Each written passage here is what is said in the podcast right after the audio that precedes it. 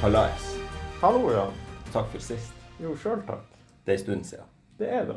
Plutselig. Vi var jo på en, eh, en god steam, sånn relativt eh, sett. Eh, og hadde litt planer og sånn, men så ble det et opphold. Livet Hashtag livet. Hashtag livet skjer jo.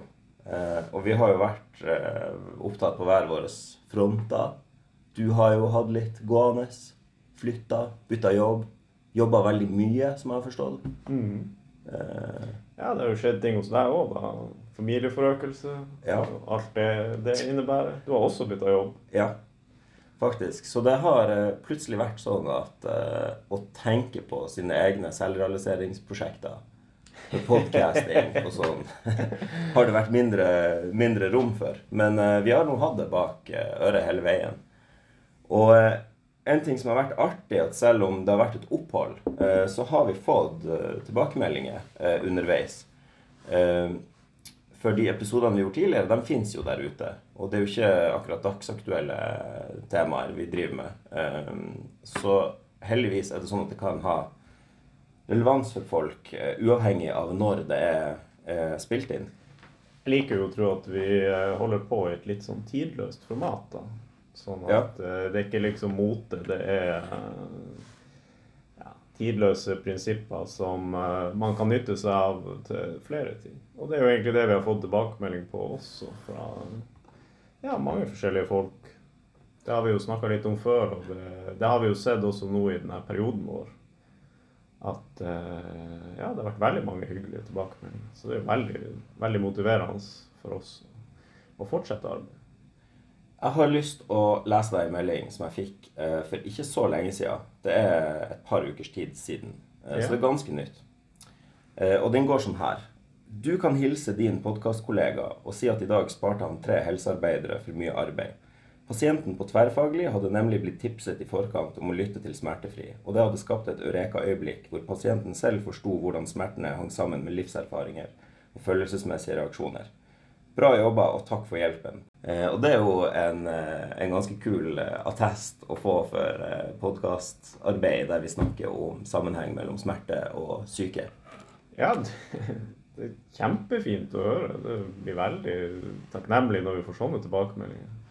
Det, at vårt arbeid på en måte Her sitter vi nå på en måte to karer og eh, prater om ting. At det kan bety så mye. Det, ja, det setter jo jeg og du Vi har jo snakka om det før, at vi setter ufattelig stor pris på det. Og definitivt en motivator for å eh, fortsette.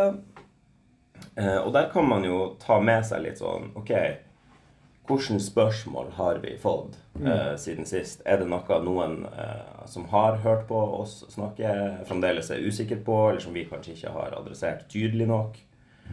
Eh, og en sånn ting uh, for min del har vært OK, jeg hører hva dere snakker om. Sammenheng mellom følelser og smerter. Greit. Uh, jeg kjenner meg igjen. Men hva er egentlig teknikken? Er et spørsmål som jeg har fått fra noen kanter, i hvert fall. Og så har jeg prøvd å svare med at vel, det er jo noen teknikker å ta i bruk, men mest av alt ligger det i forståelse og kunnskap et perspektiv åpner seg, og ut fra det så, så kan du ha en annerledes mindset. Eh, og noen sånne Vel, jeg for min del skrev dagbok og dokumenterte. Kan man kalle det en teknikk? For min del så kunne jeg kanskje det, mens for andre er det kanskje ikke helt det som funker som en teknikk. Men som grunnprinsipp for meg har det vært troen på at sammenhengen er ekte, og at det fungerer å, å se på den sammenhengen mellom syke og smerte. Så spørsmålet jeg har fått, er i hvert fall hva er teknikken dere egentlig eh, prøver å peke på? Ja. øh, jeg syns egentlig du summerer det opp, og det er jo uh, problemstillinga ofte blir øh, havner borti sjøl, da. Mm. Og det er jo litt sånn Akkurat det her er jo vanskelig, fordi at uh, det er jo litt sånn Svaret er jo litt sånn åpent, da. Eh, så jeg skjønner jo at det er veldig frustrerende for folk. For det er litt sånn Hva er det som fungerer for å sovne? Jo da, det er nå en del sånne, en sånn smørbrødliste med ting du kan gå gjennom, men det er ikke sikkert at alt er riktig for deg. Men samtidig så, så, er det litt sånn at det er noen ting som går igjen. Eh, og akkurat det du sier om tro og sånn, det tenker jeg handler litt om, om mindset og uh, forståelse. Og uh, jeg mener jo også at uh, man, må, man må jo endre på noe av det man gjør i dag, hvis det skal kunne skje noe annerledes. Altså, vi kan ikke fortsette å gjøre leve på den samme måten, tenke på den samme måten, bevege oss eller handle på den samme måten og forvente at det skal komme en ja, Å bli kvitt smerte eller vonde følelser eller sånne ting er jo en ganske ja, mm. radikal endring i, i, tilværelsen. Så det vil jo være litt merkelig hvis det skal komme en veldig sånn radikal endring av å, uh, av å ha lest og, og hørt litt ting, da. Jeg har jo vært borti det at uh, det holder i gåseøynene å, gi noen et, et, svar, og så kan det forekomme veldig store endringer. Men for, de, for folk, folk, flest da, uh, så, så, handler det om at man må begynne å jobbe med en del ting. Man må endre noe med seg sjøl. Og man må ja, tåle å utsette seg for en del ubehag. Um, og det kan vi jo kanskje ja, Kanskje vi kan snakke litt om det akkurat nå. Ja. Uh, men hvis man Jeg tror det folk ønsker seg når de spør det spørsmålet hva er teknikken, eller hva er teknikkene, så er det ABC-en, da, eller smørbrødlista. Ja. Skal vi prøve å lage en ABC, da? Eh, ja. Um, jeg har Jeg har sjøl prøvd å sette ord uh, på det gjennom episode én. Uh, hvilke steg var det jeg gikk gjennom. Men jeg tror For meg handla det om kunnskap først og fremst eh, hvordan gir jeg meg sjøl kunnskap eh, til å øke den forståelsen jeg trenger mm. for å leve med og mestre og overkomme mitt smertebilde best mulig. Så det var steg én. Kunnskap. For å generere forståelse. Eh, og så steg to være oppmerksom på hvordan dette utspiller seg i livet. Eh, og da tok jeg i bruk, eh, som jeg nevnte, dagbok. For det var en måte å tvinge seg til å være oppmerksom fordi jeg skal dokumentere det jeg føler og tenker til enhver tid. Og steg tre høres, Da høres det litt ut som man skal gjøre det ene før man gjør det andre. Men jeg, men jeg føler egentlig at disse tingene kommer samtidig. Men steg tre i hvert fall legg vekk frykt. legg bort bekymringer for at smertebildet er farlig. Utrolig viktig steg. En utrolig viktig sånn pilar i måten å leve med og overkomme og mestre smertebildet. At smerten er ikke farlig. Det var viktig. For det var liksom fengselet med det smertebildet tidligere. var at liksom, Oi, det er en idé om at dette er farlig, og alle historiene om diagnose og, og sånne ting. Eh, så hver gang det var litt smerte og det her er farlig for ryggen min, ryggen min er utsatt, jeg burde ikke gjøre det her.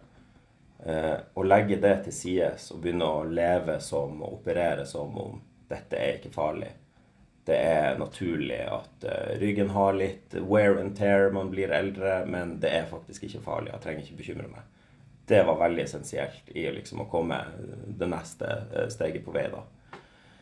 Um, og det tror jeg er kanskje de tre for meg, da.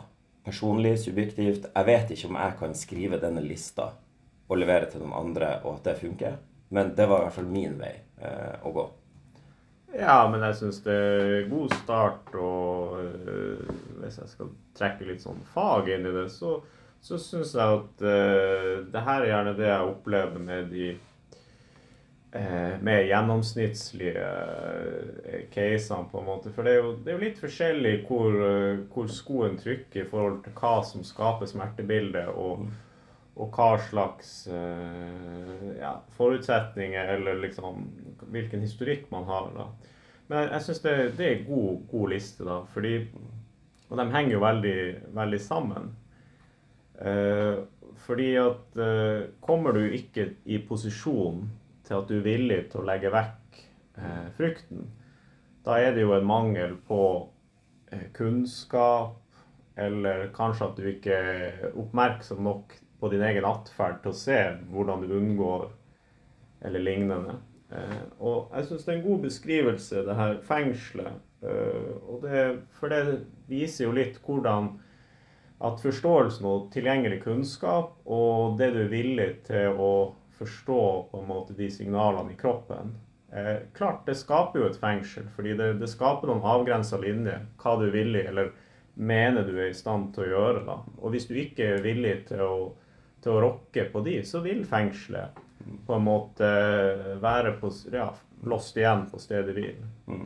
Men det er jo et fengsel med ei ulåst dør, da. Mm.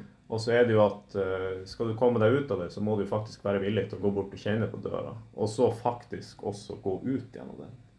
Og det kan jo være en veldig utfordrende opplevelse. da. Fordi da er det jo plutselig Når du sitter i et fengsel, så har du i hvert fall noen eh, trygge rammer. Eh, Kommer du ut på åpent hav ut av fengselet, så har du jo ingen trygge rammer. Eh, Og for hjernen vår som elsker forutsigbarhet og eh, assosierer forutsigbarhet med trygghet, så å komme til et sted, på en måte, enten bokstavelig talt et sted eller metaforisk sted, da, hvor det ikke er forutsigbarhet, eller ikke i like stor grad av forutsigbarhet, da begynner jo på en måte risikosystemet å, å koke litt. Og da begynner det, ja, kan det jo begynne å komme litt temperatur i kroppen og litt signaler. Eh, litt sånn å gå fra det kjente til det ukjente. Selv om det er ubehag i det kjente, så er det et større ubehag med å gå inn i det ukjente. Og det er litt sånn her eh, den quoten om at 'the devil you know is better than the one you don't'. Ja. Eh, eller noe sånt. Ja, nøyaktig. Mm. Fordi eh, Ja. eh, litt sånn eh, Jeg bruker å eh, ha sånn bilde på det her, da, med pasienter eh, Mange har gjort det, da, at at du har vært eller er i en drittsituasjon og kanskje liksom en skikkelig sånn mørk dal, ikke sant, sånn grå og hengemyr og sånn, og så er du på vei opp fra den, da, eh, så ser du en ny dal, liksom, over neste, neste topp som du er i ferd med å klatre, og der er det liksom sol og blomster og fint og flott, men eh, uansett hvor fint og flott, så har ikke du vært der før, så det er jo noe, det er jo noe, ja, ganske sånn uh, skummelt eller ubehagelig, sånn vanskelig å orientere seg. Så det ligger en, det ligger en fin og stor trygghet i den her eh, drittplassen du kommer fra, for der vet du ut og inn på en måte, det er ingen overraskelse der. Eller du må ta deg gjennom noe ubehagelige busker og kratt for å komme deg dit. Uh, og det er jo sånn Jeg kan se i min datter f.eks. at gevinsten ligger der fremme. Kanskje det er å gå på Tromsøbadet og bade, men det er skummelt å gå og, være i garderoben og i dusjen uh, først. Sånn på et sånn lite nivå uh, som er veldig lett å observere i et lite barn, men som hvis man er oppmerksom på det, kan se hele tida i seg sjøl at det fins hele tida. Ok, jeg skulle gjerne vært der, men for å komme meg dit, så må jeg gjøre det her. Eh, og det er ikke like appellerende, eh, så jeg blir der jeg er i utgangspunktet. Ja. Og så, det her er jo på en måte flott, den fengselsmetaforen, da. For da kan du jo erstatte, eh, erstatte de tingene da med forståelsen man har av de her symptomene. Og akkurat i det eksempelet så er jo det fint å ha deg som forelder med, fordi at hun klarer jo ikke kanskje nødvendigvis å forstå implikasjonene av hvordan hun tolker, og langsiktigheten av det eventuelle fengselet. For hun kunne jo fint og flott bare unngått og, og rømt fra det der og aldri liksom fått lært.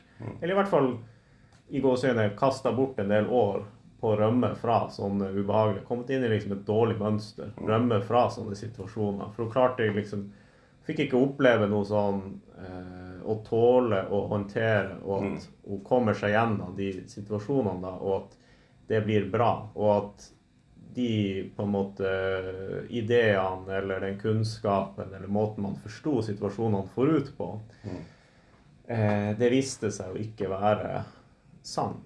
Eller det viste seg å i hvert fall ikke være i- en slik måte man da tenkte på forhånd.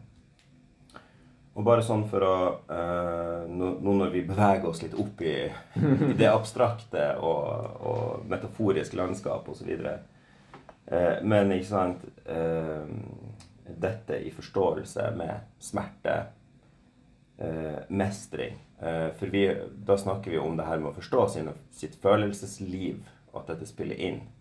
Så da står du jo ovenfor en konfrontasjon med ditt følelsesliv. Eh, på godt og vondt. Eh, og der er nok frykt for noen, og for mange, eh, til å gå inn og se en del sånne ting eh, i øynene og forstå sammenhengene. da. Og derav også motstand mot å gjøre det. Og kanskje det er der ligger det bus de buskene og krattene som man ikke vil gå igjennom. Ja. Og der ligger det jo en del forskjellige kategorier, sånn at vi ikke skal få det til å høres ut som at alle må ta et like stort dypdykk inn i seg sjøl, eller hit eller dit, uh, før. Fordi ja Ikke at jeg skal lage at det kun er to kategorier, men akkurat når jeg tenker på det, så slår det meg som to kategorier som uh, av, på en måte. Det er at du har en mer som Kanskje mer som et spekter, da. Men i hvert fall at på den ene sida så har du at det er veldig sånn klart at her har man en klar misforståelse av et signal eller en følelse eller noe i kroppen, og på en måte Ryggen min er ødelagt. Jeg er skada, jeg kan ikke gjøre sånn. Hvis jeg beveger meg sånn eller sånn, så sier det pang. Og det er farlig. Det er et veldig sånn klart uh, En klar case på en måte at her er det Unngå risiko, unngå en forverring. Det er farlig. Eh, noen ganger er det sånn helt sånn eh, veldig sånn Jeg kan ikke bevege nakken min sånn, eller jeg kan ikke gjøre Jeg kan liksom ikke bøye ryggen dit eller dit, for da Og da unngår man å, å på en måte bevege seg på en sånn eller sånn måte. Noen ganger så er det noen som kun i gåsehudet har en sånn problemstilling. Og så kan du si den motsatte enden av spekteret blir ei mer sånn Det er ikke veldig sånn konkret eh, smerte et sted i kroppen, sånn som jeg det er kanskje mer et sånn område at hele nakken eller hele ryggen er liksom bare helt innsnerpa og veldig vond, og man forstår ikke hvorfor. Og da er det kanskje mer de mer følelsesrelaterte. At det er ikke nødvendigvis så mye forståelse om at Det er kanskje en viss sånn tanke om at det er et problem med nakken eller et problem med ryggen, men det er ikke på langt nær den samme unngåelsesatferden, frykten for å bruke den kroppsdelen. Det er mer bare at det er noe med det. Og så er man kanskje Man har ikke det perspektivet, eller man har ikke tenkt over muligheten for at de tingene som skjer i livet, er de som på en måte man må Eller vil ha best nytte av å mane opp i. For at den ene er veldig dominert av frykt for å bruke en rygg, f.eks., mens den andre er mer dominert av f.eks. mangel på grensesetting. Mm. Også, men folk flest havner jo litt sånn i midt mellom de her to, da. Uh, uten at kan det jo være flere Det er ikke sånn nødvendigvis et spekter, men det, det er noen sånn to hovedkategorier som går igjen en del. Og så, så må man finne litt ut hva er det Har jeg en god miks, eller er jeg mer den ene enn den andre, eller litt sånn, ja. Mm. Det er der, og det er derfor jeg tror, ut fra det du sier nå igjen, for å ta det tilbake til Hvis man skal prøve å svare godt på ja, men hva er teknikken, eller hva er teknikkene eh, Gjennom dette med kunnskapen, forståelsen, etterfulgt av, eller i samråd med dokumentasjonen av hva det er du erfarer og, og, og lærer deg og forstår, egentlig. Eh, så det er gjennom det der jobben gjøres med å få de perspektivene og liksom granske ok, foregår det her og det her i livet mitt nå? Hvordan har jeg det i kroppen? Eh, eller har jeg det sånn i livet versus hvordan har jeg det sånn i kroppen? Tenker jeg på de tingene? Eller motsatt, jeg kjenner noe nå i kroppen min. Hva foregår i livet nå? Eh, sånn at det der, den dokumentasjonen som en teknikk eh, for meg da kommer veldig inn. Eh, også, og, og ut fra det kan gi deg forståelsen for å legge vekk frykt. Ja. Du ser ofte nå at oi, når det og det skjer i livet mitt, så, så får jeg den og den følelsen i kroppen min. Eh, kanskje det ikke er en ryggskade som er så farlig for meg. Eh, og så kan jeg legge lokk på frykten for at det er det som er problemet. Og for meg i hvert fall, så er det ut fra det at den følelsen i kroppen begynner å slippe taket. Eh, og det er litt som eh, Det føles, eller kjennes nesten litt som at Vi har jo snakka tidligere om hvordan smerten er en distraksjon fra det i psyken du kanskje ikke vil se.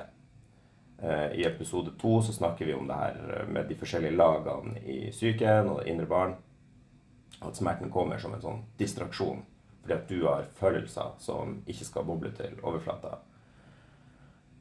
Men det er noe med at når du vender blikket til de følelsene Altså hvis, eh, hvis jeg prøver å, unngå at du ser noe som er bak deg, så sitter jeg her og vifter med armene og prøver å, å distrahere deg, men med en gang du snur deg, så er det Da har det ikke noe hensikt for meg å fortsette med det.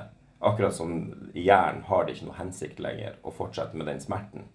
Er liksom, for meg føltes det sånn hvis jeg skal prøve å visualisere eller sette ord på hva som skjedde når jeg vendte blikket til de følelsene, og det slapp taket.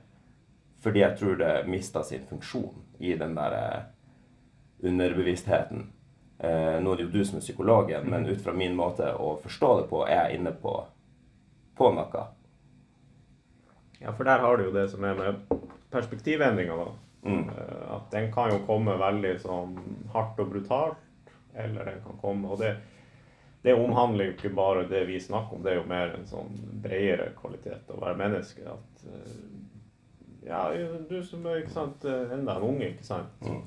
Bang! Plutselig blir det et helt annet perspektiv på oh, ja. at, at liksom eh, ja, Jeg vil jo tippe at liksom, hvis du trodde du sov lite med én unge, så Oh, yes. liksom får du fort perspektiv at oi, ja ok, det er ikke så verst å sove så og så mange timer sånn som jeg tenkte før. da. Nei, det, perspektivene er i endring, for å si det sånn. um, det, det er jo sånn her eh, noen sier at eh, om barn Én er én, og to er ti. Eh, for det er dobbelt så mye, bokstavelig talt. Så vi har jo da en to og et halvt åring nå, og så er en nyfødt med, eller noen uker gammel. Og eh, det, alt går egentlig veldig bra. Eh, også, men herregud, jeg merker jo at hadde det ikke vært for at jeg allerede kjente til dette vi snakker om, og smertemestring, så hadde nok det smertebildet jeg sleit med da, eh, for de to årene siden, eh, eller hva det var, vært så utrolig til stede nå. Eh, fordi det er masse underliggende hele tida. Innestengte følelser og frustrasjon om, om alt jeg ikke får tid til, for å si det sånn. Det kan jeg tenke for det er jo en Akkurat nå er det jo en situasjon der man egentlig legger lokk på en veldig, veldig stor del av seg sjøl. Fordi du skal levere for fellesskapet, som er familie og barn og husholdning. Eh, og hele det her eh, rundt. Og da tenker jeg jo det er veldig nyttig at du har eh, gjort et godt stykke arbeid med det her, å være oppmerksom og dokumentere Ja. hva som foregår i din oh, ja. egen bevissthet. Mm. For da kommer det kanskje litt enklere nå når, eh, Mm. Når du er ja, mye Det kommer enklere, og det er nødvendig, kjenner jeg. Eh, og, og, og det gir også et sånn perspektiv på at, å lytte til at hei, nå er det faktisk viktig for meg at jeg får prioritert eh, de tingene som er viktige for meg. Eh, og jeg har noen sånne pilarer i livet mitt som bare er dette må jeg gjøre. Trening er en av dem. Eh, sånn at de tidsvinduene jeg har, så, så er det veldig sånn Ja, det er det jeg skal bruke tid på for å hente meg inn, for å gi meg sjøl energi og overskudd, og for å få en sånn følelse av at nå er jeg meg, nå gjør jeg min greie. Eh, kontra å bare med en gang huset er litt rolig, bare liksom falle i sofaen og se på Netflix. Det ville Det er jo den snarveien å ta. Det er jo lett å gå dit, og det kan føles digg å ligge og slenge og se på Netflix der og da. Men det er ikke givende på et sånn grunnleggende nivå. Jeg må få utløp for min energi og alt gjennom f.eks. fysisk fostring, trening og, og, og, og blæse det med en joggetur eller med kettlebells eller hva som helst. Ja, og nå er det jo på et sted på en måte hvor du øh, har internalisert, øh, som du sier, ikke sant? det begynner å bli to år siden, eller hva det er, siden denne reisen starta. Eller i hvert fall denne delen av reisen. Og kunnskapen og denne vanen av å lytte til, til hva som foregår i seg selv, og i tillegg til å kunne legge vekk frykt og, og på en måte bekymringer. Ja, altså lytte til hva er det jeg trenger, og det svaret kan være som jeg sier, trening. Det svaret kan være egentid. Eh, tid til å være litt alene og ha headspace for seg sjøl, eller noe annet. Eh, men jeg tror det er veldig nyttig å se at det er faktisk det jeg trenger. Når jeg har muligheten til å få det, så er det det jeg skal prioritere eh, å få gjort for meg sjøl. Eh, og det tror jeg er veldig, veldig Eller jeg vet, det er jo veldig nyttig, eh, har jeg sett for meg. Og så Men igjen, dette til de teknikkene og de stegene. Så sier jeg kunnskap, dokumentasjon, legg vekk frykt. Og deretter så kommer på en måte den siste pilaren, og det er å leve i troen på at dette fungerer. Dette er veien. Det høres religiøst ut. Jo, men det blir jo i, i praksis det, fordi tro er jo eh, det, det, krever jo så mye av deg, for det er veldig mange ting som prøver å få deg til å tvile. Så hvordan, hvordan, skal du stå i det? Jo, da må du jo ha tro. Mm. Og, og, det er jo en sånn ting som jeg også kan finne på å svare på det spørsmålet. Ja, du må ha tro på at det fungerer. Og da får man tilbake litt sånn Å ja, så du sier at det er placebo, da? Og at eh, det skal fungere fordi jeg tror på det, men det er egentlig bare placebo. Og så spenner man litt fot på seg sjøl, fordi at ja, men da vet jeg jo at det er placebo, og da funker det ikke.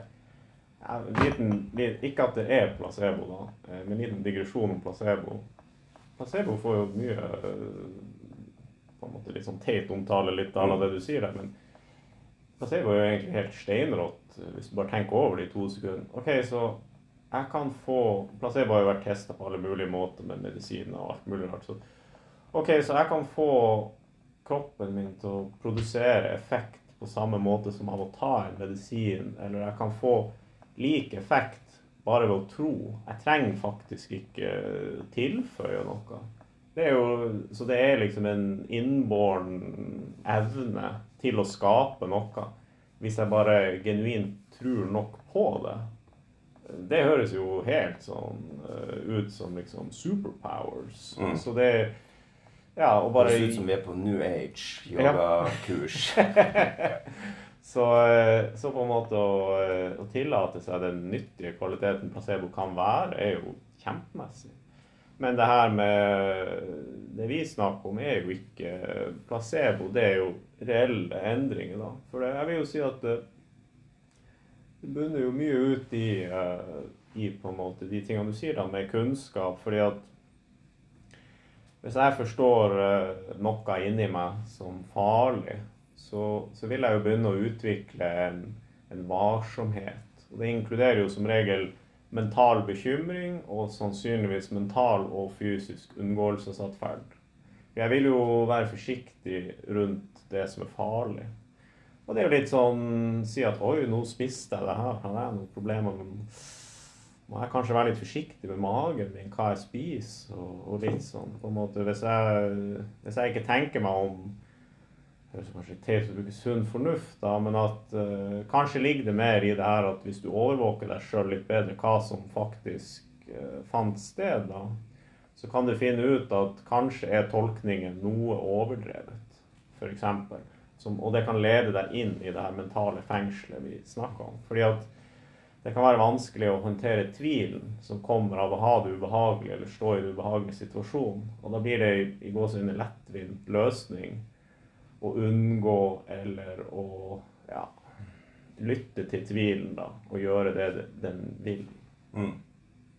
Så eh, er det du sier eller påpeker da at eh, gjennom å avfeie det som placebo, så ligger det en liten sånn eh, en unnskyldning for, eller en forklaring for hvorfor du skal kunne bortforklare eh, at det funker.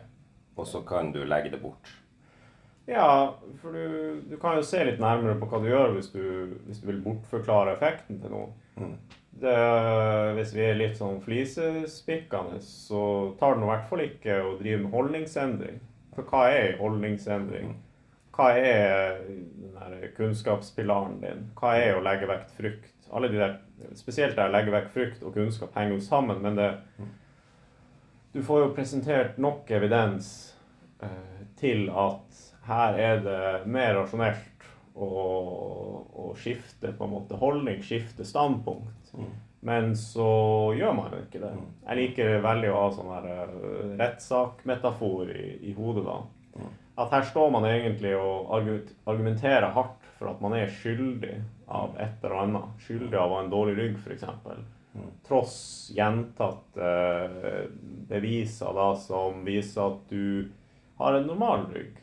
Du er ikke skyldig. Det er noe annet som forklarer på en måte ditt smertebilde, eller hva som foregår. Men så, så holder man på en måte fast at nei, jeg er, det er ryggen. på en måte. Og da, da er det jo, Hvis du da på en måte Om du nå sier at ting er placebo, eller at ting ikke går an, eller ikke er villig til å tro, eller sånn, da er du ikke, du er ikke villig til å gi slipp på din gamle holdning som du på en måte har hatt ja, la oss si frem til nå. da. Hvis en, hvis en ny person spurte oss her og nå på en måte hva er liksom, så da går vi jo gjennom smørbrødlista her, da.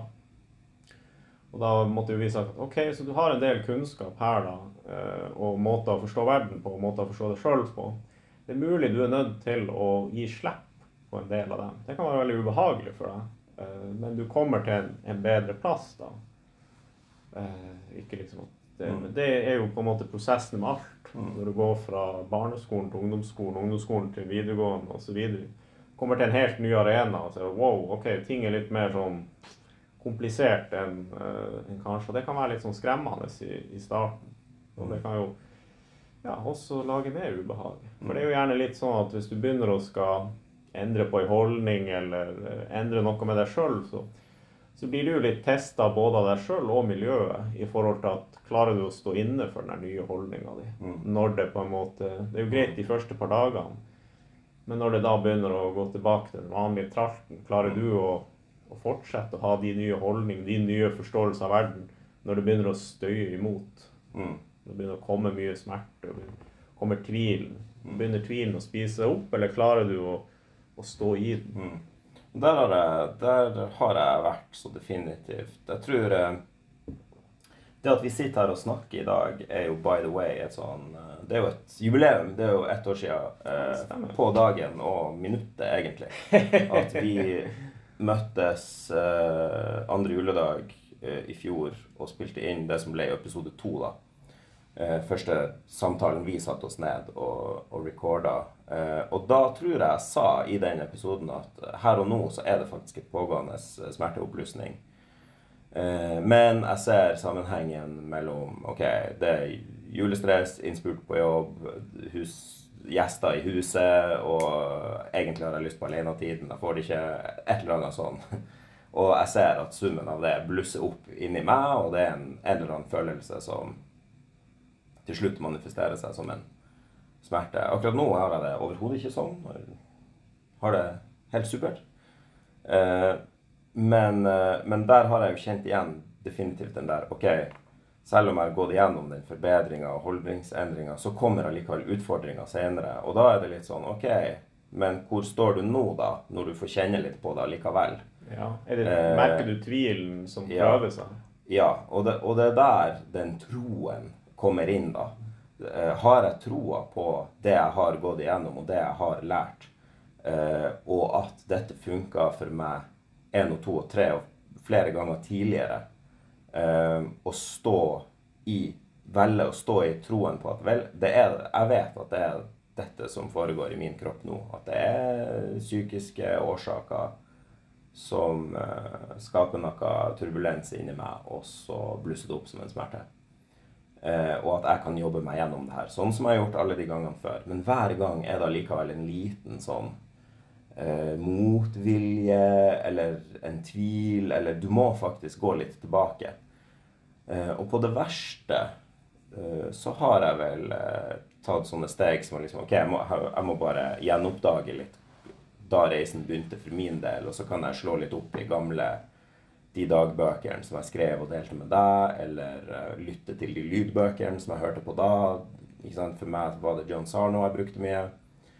Uh, og bare rebesøke litt uh, de tingene jeg gikk gjennom da. Så liksom kan jeg merke en sånn endring. Jeg tror en gang så var det veldig oppløsning, og da begynte jeg faktisk å skrive til deg. Jeg tenkte å, jeg må bare skrive en e-post av Max og, og bare skrive OK, jeg kjenner nå, men jeg vet at sammenhengene er sånn her og sånn her og sånn her. Og sånn her, og så var det liksom før jeg egentlig rakk å sende det For jeg tror ikke jeg sendte, jeg sendte aldri den e-posten til deg. Men jeg tror øvelsen av at jeg satte meg ned og skrev, igjen det med hvorfor dokumentasjon er viktig At jeg satte meg ned og skrev og fikk sortert ut tankene rundt eh, hvorfor jeg har smerte akkurat nå.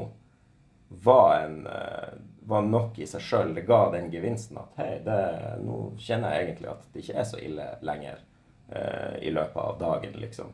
Og så gadd jeg ikke sende den e-posten allikevel, for det var ikke egentlig nødvendig. Det som var nødvendig, var å sette ord på det. Og sortere ut tankene og hente inn den forståelsen hvorfor det er sånn. Og igjen stå sterkt i den trua på at dette funker for meg. Eh, så ja. Ja, og alternativet er jo øh, holdt på å si fristende, ikke sant. Du kunne jo ja, la deg sjøl bli spist opp av den der tvilen. Du kunne liksom heve deg på sofaen og sykemeldt deg og, og ligget på en måte og blitt veldig sånn ja, bekymra og tenkt mye på fremtida og ja. tenkt mye på hva det kunne være. Hvor mye Uff, må jeg bli lengre sykemeldt fra jobb nå? Hvordan skal det gå med alt det her? Og familien Ja. og Du kunne tenkt veldig i de banene. Og så kan vi jo sammenligne. OK, hva mm, Det høres jo ikke ut, ut som noe som ville egentlig roe deg ned hvis du begynte å gjøre alle de her Oppføre deg som om her var det liksom full krise, egentlig. Mm. Mens det du gjorde, var jo å oppføre deg som at uh, det her er ikke det her er ikke, Nå er det noe inni meg som bjeffer og prøver å skremme meg. Mm. Men jeg, jeg står fast. på en måte. Jeg skal ikke la stormen uh, Jeg skal ikke bli bekymra, for jeg vet at jeg vet at jeg, jeg står på trygg grunn. Mm. Det er litt sånn at uh, det kan bli mye uvær på en måte når du sitter på hytta. Det knaker i veggene og det kjennes ut som hytta skal blåse av gårde. Men hvis du på en måte får samla deg litt Mm. eh, og liksom sagt høyt og hva er det jeg redd for? Jeg er, redd, jeg er virkelig redd for at taket på hytta nå skal blåse av. Nei, det, det er jo ikke det. Og det blir litt det samme som det her støyen i kroppen. Hva er det egentlig? Og da kommer vi til den der viktig å dokumentere, viktig å være oppmerksom på hva er det som foregår inni meg. Mm. Prøv å formulere hva er det som Mm. det ubehagelige inni deg Mm. eh, både sier til deg, Mm. Og på en måte forestille skal skje. Mm. Noen får jo et helt sånn konkret sånn bilde, f.eks. kneskåla mi spredt ut, eller liksom noen av kotelettene i, i ryggraden spredt ut, eller noe sånt. Mens andre er mer sånn diffus, at nå er det bare et stort sånn ubehag, og jeg, jeg vil ikke. Jeg, liksom. Mm. Og da, ja. Så derfor, syns jeg lista di er god, på en måte, i forhold til det her. Du sa jo prøv å formulere, og det er, for, det er det jeg liksom prøver å si gjennom å dokumentere, men det er viktig å presisere det med å formulere. Eh, en ting min kloke far også, også sa til meg i, underveis i min oppvekst og sånn, at hvis det er noe, så prat om det. Fordi når du prater om det, så sorterer du dine tanker eh, rundt det, fordi du må sette ord på det. Da får du rydda opp i hva det er du egentlig eh, liksom bærer på, eller irriterer deg, eller hva det er for noe. Uh, og det kan du dele med noen, eller ikke. Men allikevel, den jobben med å dokumentere og prøve å formulere overfor deg sjøl eller noen du vil dele med, hva det er som foregår, er en effektiv teknikk for å sortere ut og se det bildet som du trenger å se. OK, uh, her er de tingene som gjør meg sint eller irritert. Og det så jeg ikke tydelig da, men jeg ser det nå. Faen, det er jo svigermor som er i veien hele tida.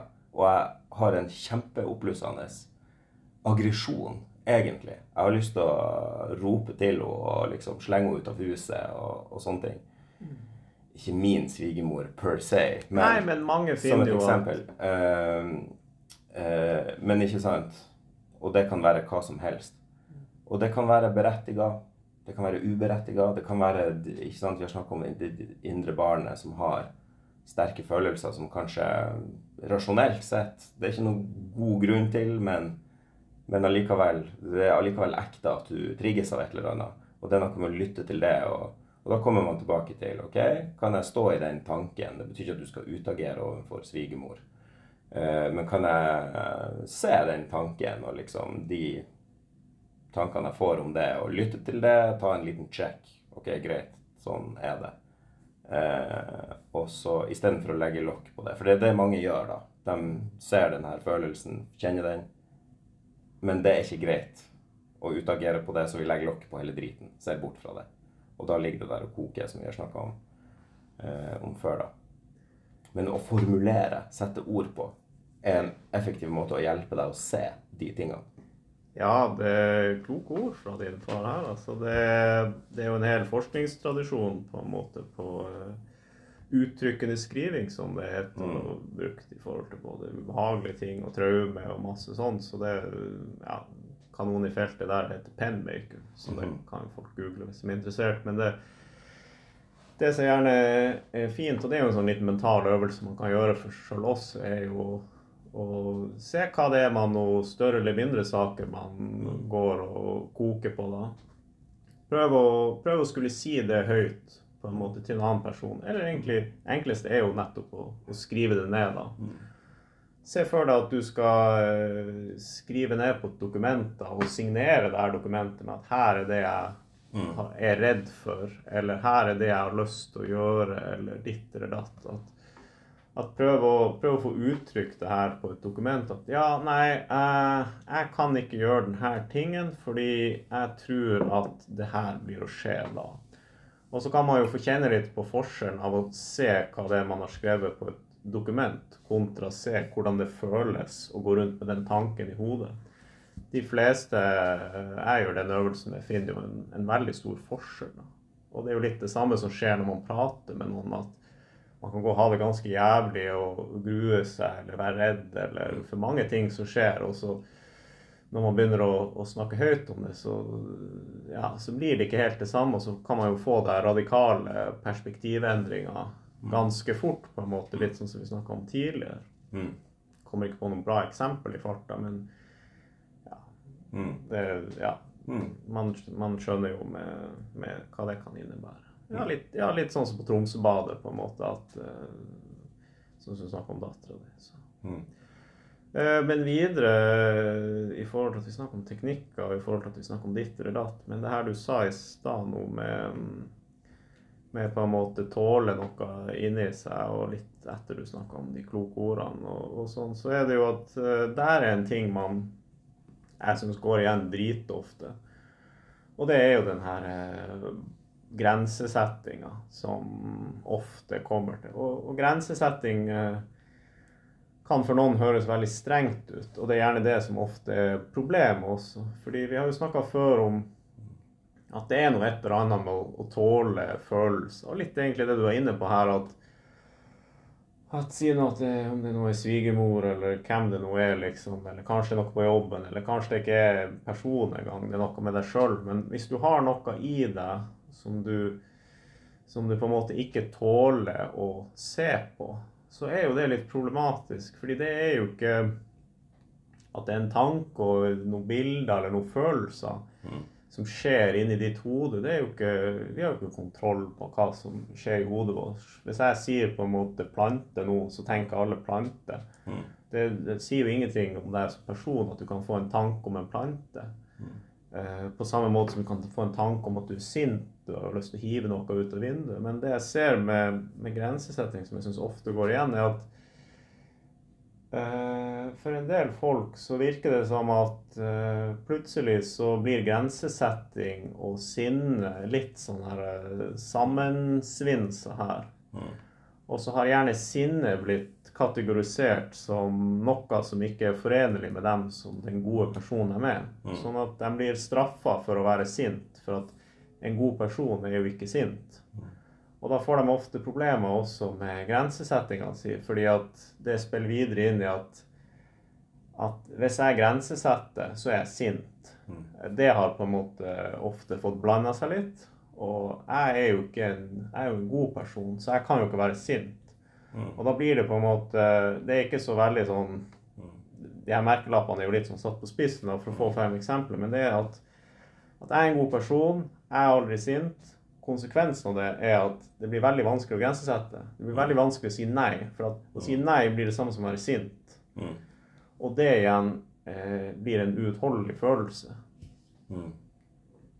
Og da begynner vi å få litt i forhold til det her eh, spekteret jeg snakka om, at eh, man kan være veldig mer sånn Det er noe mer emosjonelt, er sånn konkret livredd for nakken, på en måte. Så, Så har du gjerne at grensesettinga er som regel en sånn viktig ting. Hvis du ikke har noe sånn at du merker at ah, jeg tror ryggen min er liksom i ferd med å knekke, eller kneet mitt vakler alle veier, så er det ofte det her uh, Finne litt ut av hvordan er jeg med sinne og grensesetting og, og tenke om meg sjøl som person. Er det noen ting jeg ikke tillater meg sjøl å tenke fordi da er jeg en dårlig person, eller som bare er for ubehagelig for meg å holde i bevisstheten. Det i forhold til den smørbrødlista med å tenke teknikker og sånn, så er jo det her liksom bygge litt videre på den der oppmerksomheten og dokumentasjon. OK, hva er det jeg ikke tåler å tenke på? Hva er det jeg ikke tåler å si til andre eller gjøre? Eller hva er det jeg ikke tåler å si nei til på jobb? Eller hva er det jeg ikke tåler å si nei til til liksom eh, samboeren eller til ungene eller hvem det måtte være? Og hvorfor tåler ikke jeg å si nei? Hvorfor sier jeg alltid ja, uansett? Og er det egentlig helt riktig? Kan være riktig å si ja, selvfølgelig. Men hvis man sliter med utmattelse og man sliter med mye smerte i kroppen, så kan det jo være lurt å sjekke litt hvor god er man med grensesetting. Og hva er det som begynner å skje i deg sjøl hvis du tenker på å teste og sette noen grenser? Og da kommer vi over til det du snakka om i stad, på en måte med egentida. Mm. For eksempel. For min del. Ja. Eh, og, mange andre sin del. Og det er liksom sånn her eh, Det med grensesetting å si ja versus nei, det kjenner jeg jo igjen fra Det er jo noen eh, et psyko, Det er jo en personlighetstest som eh, du selvfølgelig kjenner til, eh, Big Five, der eh, medgjørlighet er en av de eh, pilarene som man kan score høyt eller lavt på. Eh, Medgjørlighet agreeableness. Og det er jo selvfølgelig det spekteret der du eh, opererer på eller eksisterer på når det kommer til hvor uh, i stand er du Eller eh, Hvor konfliktsky er du? ja, hvor konfliktsky er du? Og sant, igjen, ved å si nei til ting og sette grenser, så oppleves du som, eller du opplever sjøl som en som tar en, en høyere eh, posisjon på den her eh, konfliktsøkende spekteret versus eh, det motsatte. Eh, men også eh, Hvor var jeg skulle? Jeg, nå nå snakka jeg meg litt bort. Men medgjørligheten Hvis du gjør ting du innerst har lyst til å si nei til, og så sier du ja, og så gjør du det, og så skjer det én gang og en gang til så. Det er jo en massiv kilde til at det bygger seg opp, den herre underliggende eh, Der du smiler og sier ja på overflata, men inni deg så brenner det litt i helvete fordi liksom Fuck you som kommer og plager meg med det her akkurat nå og spør meg om det er noe. så, men ja, jeg skal hjelpe deg og gjøre, gjøre det for deg. Og så kan vi jo bygge litt videre på det her og si at det er ikke bestandig at det engang er tålelig å tenke akkurat. For der sier du at du, Ja. du sier ja til noe som du innerst inne kjenner på en måte Nei, erger deg, eller kanskje du blir veldig sint. Men, men mange jeg snakka med, har det jo faktisk blitt sånn innvendig at det er faktisk helt uakseptabelt å i det hele tatt kjenne på det sinnet inni seg, eller i den viljen til å si nei, fordi at det går så på tvers Ja. av hva slags verdier de har, eller hva slags type person de ser på seg sjøl. Mm. Og da begynner man jo å ha et, et lite problem. At hvis man har et så eh, tydelig på en måte hva som er helt uakseptabelt, et så stort tabu inni seg eh, på kanskje feil grunnlag, så er det jo ikke rart at det skaper mye indre konflikt, som igjen får opp turtallet litt i kroppen, og kan begynne å få ting til å gå litt varmt. En nakke eller en mage, en smerte i brystet, smerte i ryggen, hodepine, migren, alle sånne ting. Mm. At hvis du, bare for å bygge videre på det eksempelet ditt, at, at hvis det er liksom ja, én gang, to gang, tre gang, fire gang, og så begynner det her månedene og årene å gå, og så biter du i deg veldig mange ting hvor du ikke, hvor du ikke tåler å, å liksom underholde tanken på at det her er ikke Fordi at uh, Det her vil jeg egentlig si nei til. Ja. Men litt, bare det, bare der, så ligger det faktisk litt løsning. eh, er min erfaring, da. At, uh, for det kan jo være i livet at du må si ja til ting. Uh, selv om, men selv om du innerst inne ikke har lyst til det. Og så er det liksom OK, det er ikke så, ved å si ja til denne tingen Greit, det er ikke sånn at jeg går på akkord med meg sjøl, eller at jeg trosser mine prinsipper. Eller, altså, det trenger ikke være så stort. Uh, men uh, allikevel, du hadde en eller annen grunn til å egentlig ønske å si nei. Men fordi det er en jobb, eller fordi det er noe som bare må gjøres, så sier du ja. Men løsninga ligger der, i stor grad alene, i å bare tillate seg å ta den sjekken med seg sjøl og si hei, jeg har, jeg har ikke lyst jeg hadde egentlig ikke lyst. Så fuck. Uh, fuck my life. Men jeg sier nå ja, og får prøve å gjøre det beste ut av det, selv om jeg egentlig ikke hadde lyst. Og det er også, igjen, det er greit at jeg egentlig ikke hadde lyst. Det er ikke en dårlig person som egentlig ikke har lyst til det. Uh, selv, men jeg gjør det nå. Uh, også ut fra det kanskje finne et sånt perspektiv der Grunnen til at jeg sier ja til det her, er ikke for å det er ikke for å eh, Hva skal man si Være god eller bedre enn det jeg tror jeg er, eller at jeg skal leve opp til et ideal, eller noe sånt. Men det er nå bare sånn det er, at jeg som individ må ha en viss uh, disiplin og evne til å fungere i liksom, et samspill uh, med verden rundt meg. Og av og til innebærer det at jeg tar på meg en uh, forespørsel eller et jobb eller oppdrag eller noe sånt som jeg egentlig ikke hadde lyst til. Men eh, Så der alene ligger det en sånn, et grep da, i å, i å skjønne med seg sjøl at hei, det er greit å tenke nei, men gjøre ja.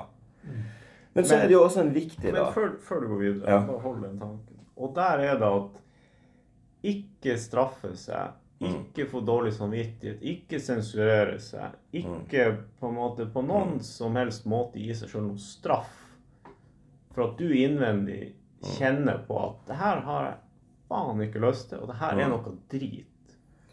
Eh, Ikke på måte være veldig bevisst om man har noe inni seg som begynner å ha lyst til å si at du er en dårlig person Mm. som, som tenker, som i det hele tatt våger deg å bli sint, eller tenker at du skulle si nei til familien eller til jobben eller ditt eller datt. Mm. Det er ei veldig farlig gate å gå ned. Og det er gjerne der det, ting begynner å bli veldig smertefullt, både mentalt og fysisk. Mm.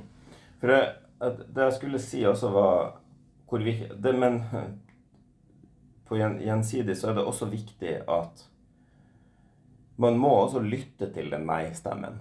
Og gi den plass og rom og en anledning til å bli uh, hørt, da. Eh, litt gjennom å anerkjenne det, men også faktisk agere på at OK, her går det en grense. Dette kan jeg ikke bruke tid på. Eh, dette har jeg ikke lyst til. Dette kan jeg ikke Jeg kan ikke si ja og leve med konsekvensene når jeg inni meg kjente nei, og jeg, kjenner noe inni meg at det er faktisk viktig for meg. Eh, at man ikke går rundt og lytter, hører nei-stemmen, men hele tida sier ja. Eh, det kan være fornuftig å gjøre av og til, ja. Men det er viktig for deg som individ å, å følge det som er viktig for deg. Og det, av og til kan det være å si nei og sette den grensa.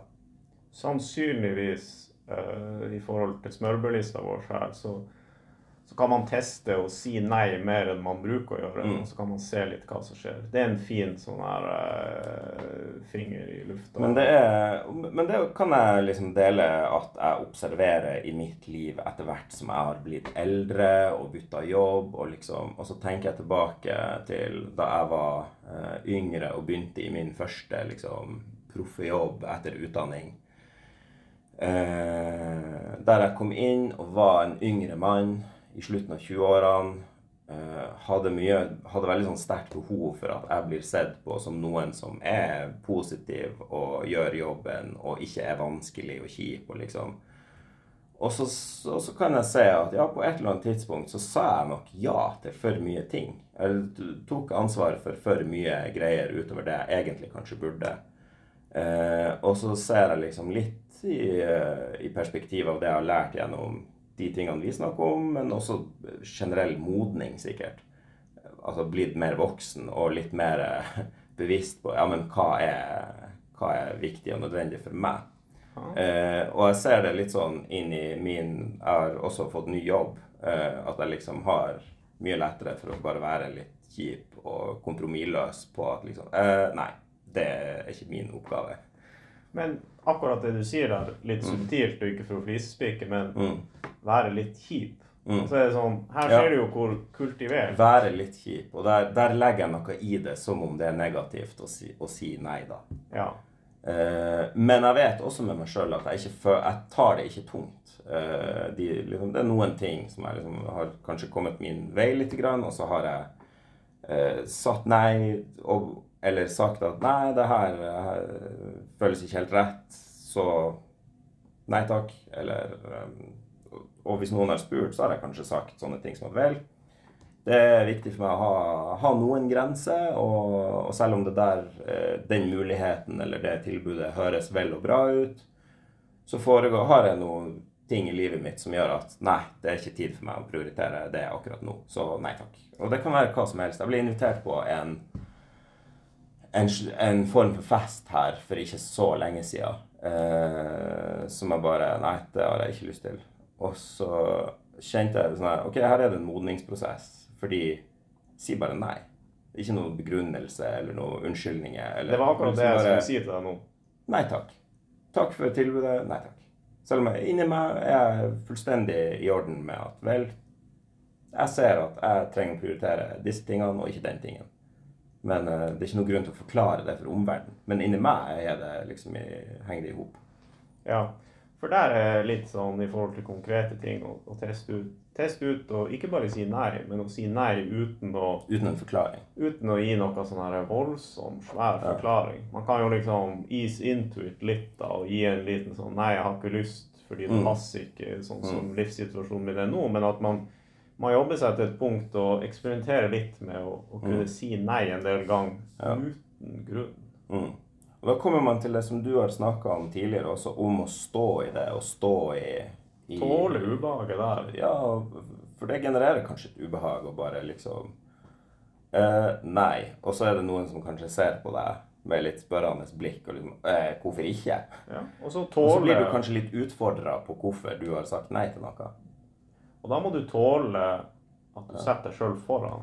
Ja. Da må du sannsynligvis konfrontere litt inni deg. Kanskje ikke for alle, men Mm. jeg har vært borti mange uh, med deg. Vi har funnet ut at det å si nei så, på mange måter så enkelt eh, Mm. Implikasjonene både innvendig og, og sosialt er, er veldig ja, utfordrende til tider. Mm. Og da er det at eh, det er lettere å, å på en måte svelge kameler og si ja, eller ta på seg ting. Mm. Og velge vekk seg sjøl og velge andre. Men å, å på en måte sette fyr på seg sjøl for å holde andre varm, er jo ikke en sånn veldig sånn bærekraftig strategi. da. Så da, da er det jo kanskje ikke rart at man får litt problemer etter hvert. Mm. Så Men du sa liksom eh, Det var Jeg hadde noen sånne ideer eller tanker før vi bygde, begynte denne podkasten. Og så har vi snakka en stund, og så har vi beveget oss litt sånn ish innom, men så har vi Som enhver åpen samtale uregissert blir, så snakker man seg jo eh, bare borti ting. Og det er jo givende og eh, spennende. Men eh, vi var inne på det med tro. Og, eh, og at det liksom Det er det det resulterer i. At du tilegner deg kunnskap, du dokumenterer og formulerer, og du legger vekk frykt. Og da har du på en måte et sånn grunnlag for å kunne stå i en tro, da. Eh, og så er det jo litt sånn der eh, at når folk hører Å ja, skal jeg bare tro på det? Og så, eh, og så ordner det seg. Og så er det liksom Ja, men nei, det er ikke liksom så enkelt allikevel. Eh, men ut fra det har det kommet mye sånn meditasjon på hvor sentralt tro er for oss mennesker, og eh,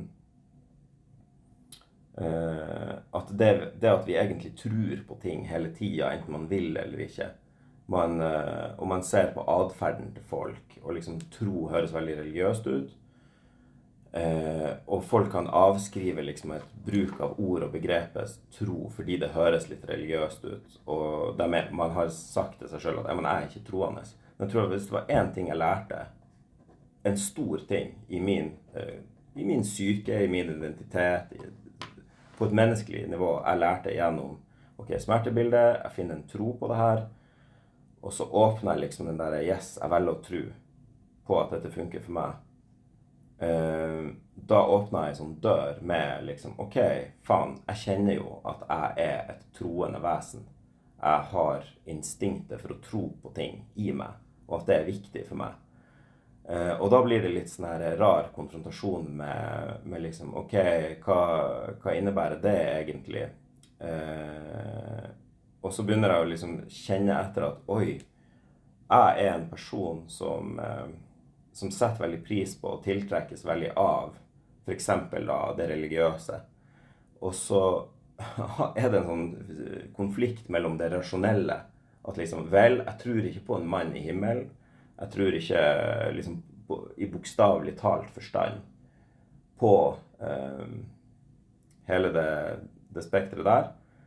Men allikevel har jeg behov for det. En ting jeg har opplevd i meg sjøl. Jeg har behov for troen. Men rasjonelt eh, så er det masse spørsmål og, liksom, og, masse som forteller meg at ja, men det fins jo ikke på ordentlig, så da må, må du legge lokk på det. Og der har den fine tingen vært å finne den der mellomgreia. At liksom jeg kan finne verdi i det her, samtidig som at jeg ikke eh, går all in og tror på ting bokstavelig talt der. Eh, og så har jeg tenkt på dem som er litt sånn avskrivende. Så det har jeg sjøl vært også. Eh, og liksom bakgrunnsstory for det jeg var blant annet Så har jeg vært utvekslingselev i USA og bodde hos en veldig religiøs vertsfamilie. Veldig kristen, og det her er sånn uh, kristent samfunn der uh, du må klippe deg og holde håret kort på en sånn og sånn måte. Helst ikke danse Eh, eller spille brettspill, for det symboliserer liksom gambling. Og, og det her var i, eh, i staten New York, eh, langt unna byen. Det var en liten by som heter Holton, som er et, altså en liten by der det er et litt, veldig sånn kristent samfunn. og de lever litt i sin egen sånn boble med sine regler og sånne ting. Og da fikk jeg et veldig sånn negativt og kynisk blikk på hva eh, kristendom og tro og religion er for noe. Jeg så på det som, og opplevde det bare som et sånn fengsel. De er ikke villige til å løfte blikket opp. Eh, jeg syns ikke det var spesielt hyggelige folk. Eh, jeg husker bl.a. vertsfaren var jo en eh, Han hadde utrolig mye underliggende sinne, åpenbart. Gikk rundt og var en sånn her kruttbønne konstant i ferd med å eksplodere, liksom. Jeg så at han slo bikkja, f.eks., med spade. Altså, det var Men på overflata var han hele tida en sånn god Christian som var liksom snill og grei. Og så så jeg i nabobyen at folk hadde et mye mer sånn dempa forhold til Jo, de gikk i kirka på søndager, men, eh, men de hadde eh, ikke et så all in-perspektiv og blikk på det der. Eh, men de var også mye mer venn, de var mer genuint vennlige og inkluderende og welcoming people. Uh, så jeg, jeg, så de to sidene der, men jeg kom hjem med en veldig sånn her et negativt inntrykk av hva kristendom er, og begynte å se på det som en sånn Ja, men det er jo bare uh, en kilde for folk til å være kjip. Og det er jo også en sånn klisjéutsagn du hører, at religion er rota til alt ondt. Eh, men så har nå liksom noen år med modning gått, der jeg har gjort denne opplevelsen med smerte og fått utfordra litt hva er det å tro for meg. Og så har det egentlig snudd seg veldig eh, til at jeg, jeg forsto det at når jeg begynte å lytte til troen i meg sjøl på f.eks. det med smertebildet Jeg kan bli god i kroppen min gjennom å ha et sånt perspektiv. Så åpna jeg også døra for at oi, det fins faktisk andre ting jeg har behov for å ha en slags tro på eller til. Eh, og så begynte jeg å tenke ja, det er vel fordi det er noe med oss mennesker eh, at tro som instinkt har jo vært der hele tida. Hvis, hvis, vi kan si det sånn da, at tro er et Hva er tro? Er det en egenskap? Er det et instinkt? Et psykologisk instinkt? Eller noe sånt? Fordi det har alltid vært der i, for mennesker. Vi har alltid vendt blikket opp og mot noe eh, større enn oss sjøl. Eh, og de samme folkene som avskriver religion, de oppfører seg fullstendig religiøse overfor favorittlaget sitt, Manchester United. De drar til Old Trafford som om det er en pilegrimsreise, og de forguder spillere og stjerner og idoler. Altså, så, så det er liksom religiøs atferd hele veien. Det er liksom tro. Man henger en knagg opp på noe som liksom er større enn seg sjøl.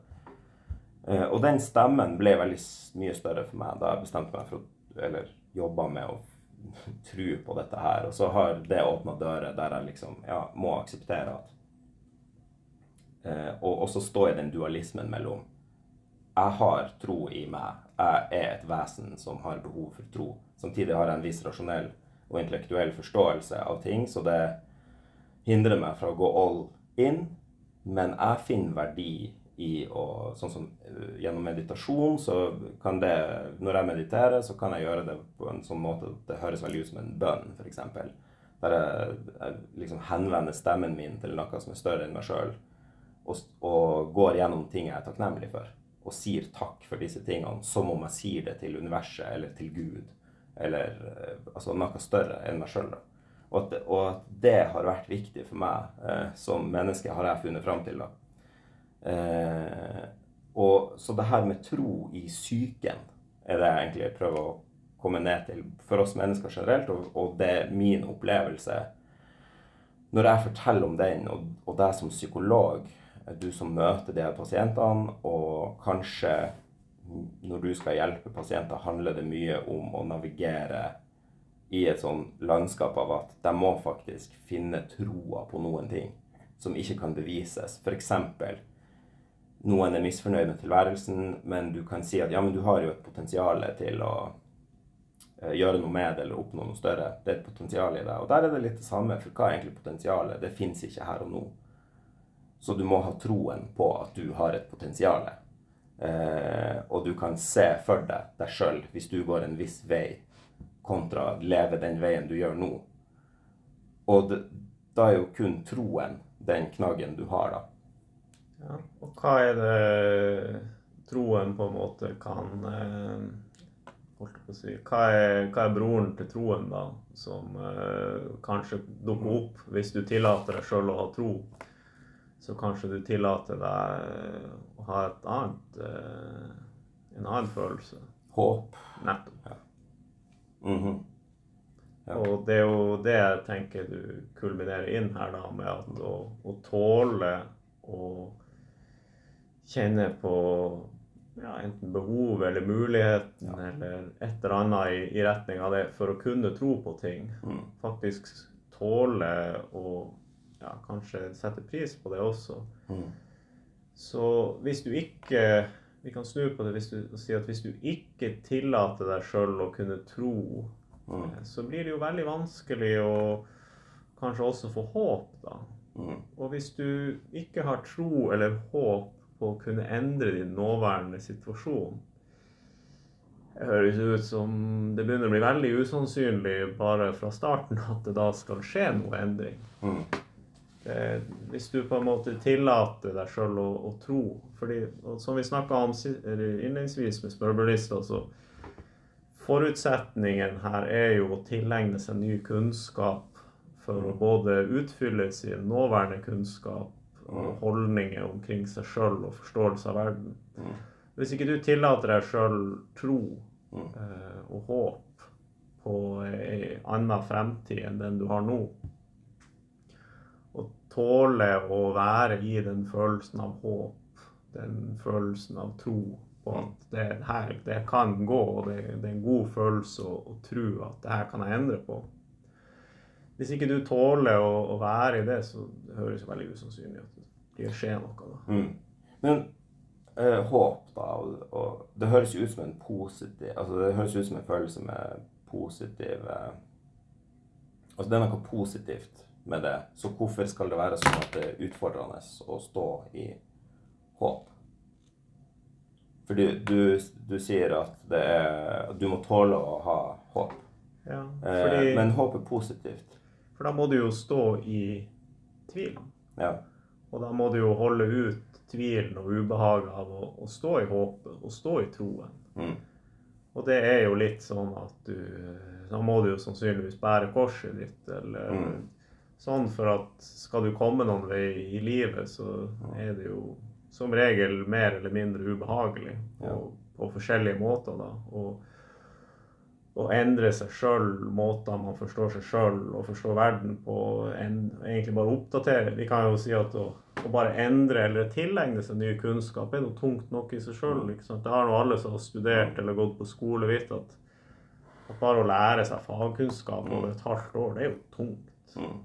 Er ikke liksom Mm. Være stu- student jo en fulltidsjobb. Mm. Så det, og det er jo noe som på en måte Ja, Mm. mer nøy, nøytral tematikk. Så skal du begynne med de her prosjektene med deg sjøl. Det blir jo straks uh, mer voldsomt, vil jeg tenke. Du, så det er, no, det er jo da noe med at eh, gjennom å tillate seg OK, jeg har håp og troa på sånn og sånn, og da er jo det neste Hva skal jeg gjøre med det? Eh, skal jeg leve opp til det, eh, eller til ting? Eller gå en vei som krever noe av meg fordi at jeg ser noe på horisonten som kanskje er litt uklart, men men igjen det der bildet om den dalen, og at der borte er det fint, men her er det busker og kratt, og det er ingen vei dit uten å gå gjennom busker og kratt og skygge. Og vi trenger jo ikke å eh, på en måte være så abstrakt. Vi kan jo òg på en måte eh, tone det ned takk og si det så enkelt om at du må jo tåle å sette et konkret mål. Eller i hvert fall sette et mål, sånn at du har noe å, å navigere mot. Ja.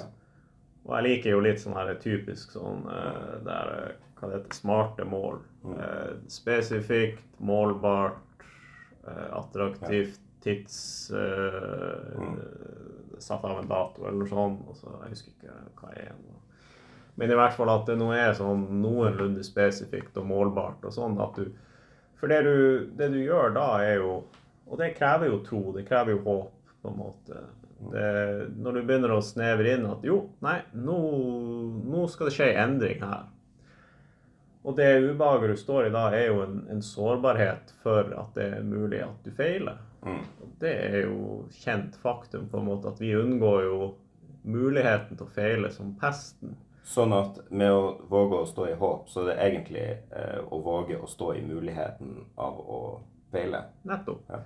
Fordi eh, vi på en måte mennesker, og det ser man jo sånn at vi, vi er jo veldig gode til å sky unna ting. For at vi, vi har kanskje lyst på en endring, men vi har ikke lyst til å sette oss sjøl i en posisjon der vi kan feile.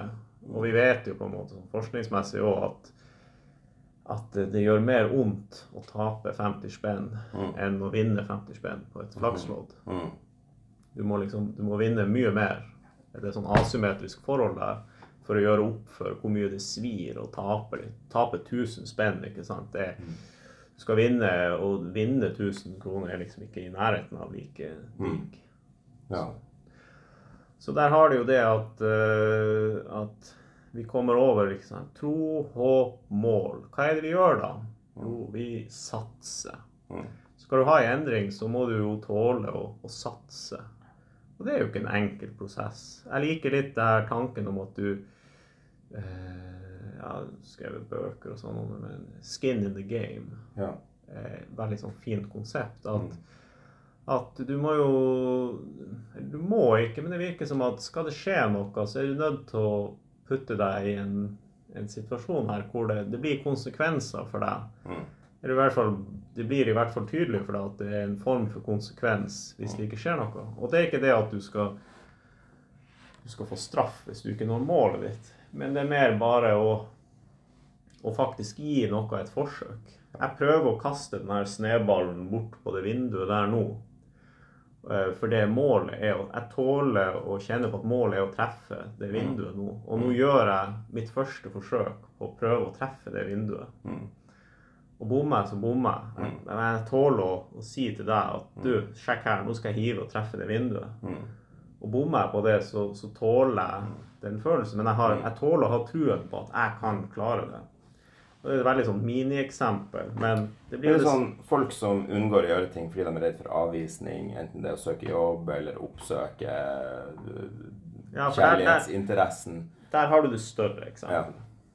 Og det er jo det som er at OK, uh, hvis jeg begynner å feiltolke signalene inni meg Mm. uh, når jeg står ovenfor sånne ja, muligheter eller situasjoner, eller små og store Kanskje det gjør litt vondt i magen, eller kanskje det verker litt i, i kroppen av at jeg, jeg setter ikke grenser og jeg skyr unna på en måte og gjør alle de her tingene. Så, så kan man begynne å misforstå det og, plass, og forstå det som at det er noe med kroppen, istedenfor å forstå det og zoome litt ut på seg sjøl og se hva man driver med. Og da kommer vi jo tilbake til det her du sier, ikke sant? oppmerksomheten på seg sjøl og dokumentere hva man gjør eller ikke gjør, og hva slags grunner man oppgir til seg sjøl for at man nå gjorde det.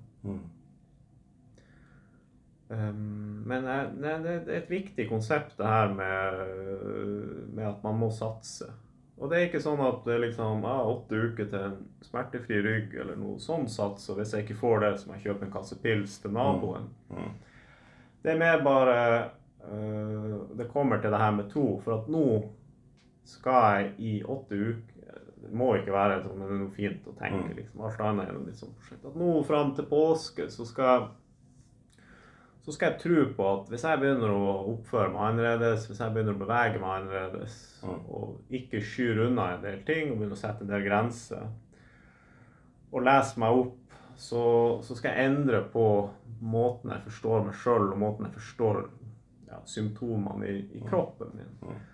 Og, hvis jeg, og jeg må jo satse litt på å faktisk forstå det. For hvis ikke jeg satser på å forstå det ubehaget i ryggen, eller den skjærende smerta i nakken, eller den dunkende hodepina Hvis jeg ikke tåler å satse på at det ikke er farlig, og at det kommer av hvordan jeg lever livet mitt, eh, eller liksom de, ja, de mulighetene man, det kan være til det, da Hvis ikke jeg tåler å tro eh, og håpe og satse på at det kan være noe annet enn det jeg har trodd fram til nå, Mm. hvordan skal jeg da eh, endre min kunnskap? Hvordan, hvordan skal det da forekomme i endring, hvis jeg ikke går gjennom den prosessen der jeg tåler å, å tro det? Ja. Det er jo noe så enkelt som at eh, ja, hvis jeg skulle lære meg et instrument eller noe sånt, jeg må jo, jeg må jo først tåle å Mm. Jeg klarer ikke å se for meg hvordan det er å Mm. kunne spille eh, Ja, nå kan ikke jeg spille piano, så jeg klarer ikke å se for meg hvordan det er å spille det, men jeg vet jo at hvis jeg øver, så, Mm. så kan jeg få noe. Men det vil jo være bare tanken på å spille piano foran en pianolærer når jeg ikke kan spille piano, det er jo litt sånn uh, Mm. Kjenner jeg jo ubehaget på med en gang. Men hvis jeg tolker det ubehaget som at det er farlig, eller kanskje jeg ikke tenker farlig engang, jeg bare tenker ubehag, det er ikke noe Mm. For meg jeg begynner å sky unna Mm. så, så vil det jo ikke skje noe. Da er vi jo tilbake til Tromsøbad-eksempelet. Da, da begynner man jo å gå en litt annen sti i livet. Mm. Og så har man nok sånne stier i sin situasjon, så, så kan man jo gjerne få en del problemer. Ja. det sånn, jeg kan jo se for meg at du som psykolog møter pasienter, og pasienten som på en måte kommer med 'Jeg er her.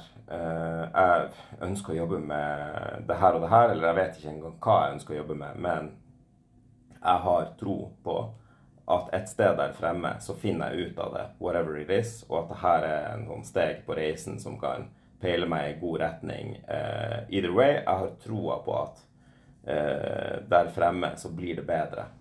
Og det gir mening til det vi gjør her og nå. Eh, og så har du det på motsatt side av Spekter. Jeg har ikke troa på at jeg blir bedre. Eh, og så er det litt sånn Ja vel, hva, hva gjør du her, f.eks.? For, for der, allerede der ligger det jo noe i at Ja, men ha, ser du for deg Har du troa på at det vi bruker tid på nå, eh, det vi snakker om og det vi skal jobbe med, skal føre noen vei, eller ikke? Og hvis ikke, så er, da gir jo ikke det den nødvendige meninga til det arbeidet vi skal gjøre nå. Da, altså, da er det jo bortkasta, ser Er jeg for meg. Og det du er jo det jeg sjøl er du Ja. åpen for tanken Og på da må du være åpen for uh, tro og håp på at dette kan og skal bli bedre. Og håpet om at det kan bli bedre, og troen på at det også skal bli bedre fordi jeg nå går disse stegene. Ja, Er liksom verden statisk, Ja. eller er den flytende? Ja. Er det mulig at med, Kan vi påvirke ting, eller nei? Er alt fastlåst? Mm. hvis man er fastlåst i sitt perspektiv, så er det jo veldig vanskelig å, å komme noen vei. Mm. Hvis på en måte Ja, jorda er nå flat, så da er jeg ikke åpen for at det kan forstås på noen annen måte. Så er det jo veldig vanskelig å Mm. se for seg at jeg da Mm. Skulle kunne endre et perspektiv, uansett hvor mye kunnskap eller forskning du, du hiver til meg. da. Mm. Og det blir jo litt det samme med de her øh, Hvis jeg har ja, bestemt meg på at øh, Ja, sånn som vi som var og bada i dag, i tradisjon tro. Mm. Hvis jeg på forhånd hadde bestemt meg nei, det her er dritfarlig, hjertet mitt blir bokstavelig talt å stoppe, og jeg dør hvis jeg går ut i det her vannet, da blir det jo aldri liv å, å få meg. Hvis jeg ser så sort-hvitt Mm. på en, en ting i verden, så blir det jo aldri liv å få meg ut i det vannet. Mm. Og da, da er det jo det at man må jobbe med det her eh, OK, du har et sort-hvitt perspektiv på noe. Det, det høres jo veldig det høres jo veldig problematisk ut, for sannsynlig, som regel er jo ikke verden sort-hvitt. Den er jo som regel grå. Men er det noen vei gjennom for når man møter på sort-hvitt perspektiv, og hvis vi nå møter en av dem som spør ja, men hva er teknikkene, og så må vi, konkluderer vi med at vel, og så må du ha en tro. Og så kan det jo være litt sånn ja, tro, ja. Jeg vil ha tro, jeg har troa på det, men underliggende har, eh, har en kanskje egentlig ikke tro på noe som helst, eller uh, i,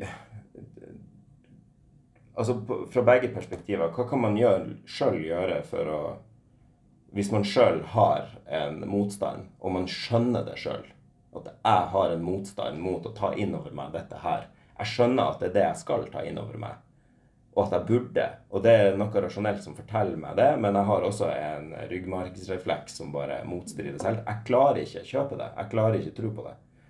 det er helt greit. kan, kan man observere det? eh, Ja, ja.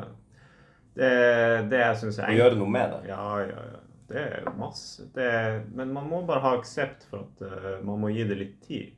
Men det viktigste, eller det enkleste jeg syns da, er jo at man man finner ut på en måte Jeg liker å bruke ubehag og unngåelse som Mm. litt sånn der eh, kompass.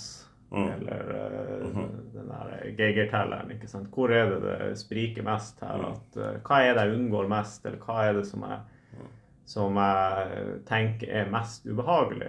eh, Eller farlig, eller Av og til er det veldig konkret, av og til er det veldig diffust. Men, men hvis man vet, eller man lurer på om man kan ha noe sånt, så kan man jo begynne litt i forhold til at vi snakker om å lage smørblister. nå. Mm. Nå gir vi jo mange gode tips, men nå er jeg veldig konkret, det kan man kan gjøre. Men eh, man kan se på det litt sånn at OK, hvordan kan jeg oppføre meg på en annen måte enn det jeg gjør nå, som er mer i tråd med sånn som jeg i fremtida vil oppføre meg, i hvert fall i teorien, hvis jeg da ikke hadde de utfordringene jeg hadde i dag.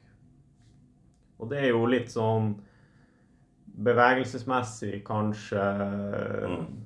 Ja, fordi da kommer vi jo litt til det spekteret med at hvis du er en sånn som har veldig sånn bevegelsesfrykt, eller du merker at du, du er veldig redd for en kroppsdel eller liksom et eller annet symptom i kroppen, ok, da er det noe med de symptomene som kanskje finner en, en uh, grei måte å, å tilnærme seg litt sånn eksponeringsaktig trening. Ja. Uh, Det som er viktig med eksponeringa da, er jo at man også samtidig jobber med den her uh, dokumentere sin indre opplevelse, sånn at man, man ikke bare putter seg sjøl i noe ubehagelig, og så får man ikke med seg noe, Mm. og så ut av det, og så er man kanskje ikke lenger. For det er jo mange som eksponerer seg ting, eller gjør ting de lider seg gjennom på daglig basis, men blir ikke bedre av det. Mm. Så man må jo jobbe med å, forståelsen sin Mm. og holdningen sin mot de tingene man er i, hvis man skal oppnå noe endring. For at jeg sier at du hadde en edderkoppfobi da.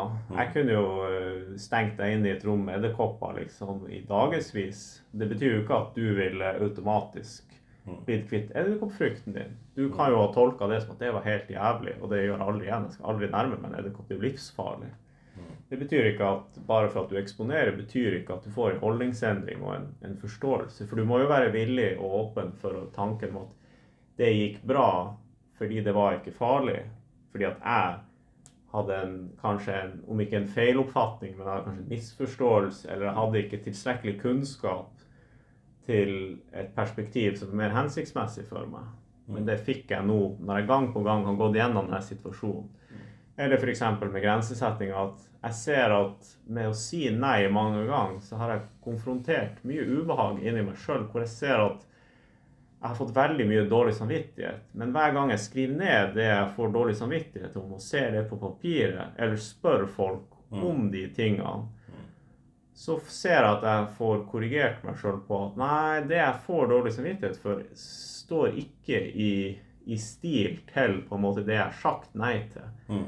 eller det jeg har tenkt. Det, det er sånn at jeg ser at inni meg så er jeg litt sånn uh, liksom i forhold til at jeg tar på meg ufattelig mye mer dårlig samvittighet for en ting folk flest virker som Når jeg har liksom snakka med tre av mine venner, liksom, eller ditt eller datt, så, så ser jeg at OK, de reagerer jo ikke noe spesielt. Hvorfor reagerer jeg så mye? Og der begynner du å få sånne ledetråder til at kanskje er det det å si nei som er liksom den atferden du kan komme i gang med. Kanskje er det en, en spesiell bevegelse. Nei, jeg, jeg kan ikke plukke opp eh, Jeg kan ikke bevege meg på den måten, eller jeg kan ikke gå Jeg må passe knærne i noe hardt underlag, eller sånne type ting. At man, man setter seg sjøl ikke så veldig intensivt i på en måte den situasjonen som man da unngår eller syns er ubehagelig, og så prøver man å legge det merke til hva som før, under og etter dukker opp i en sjøl.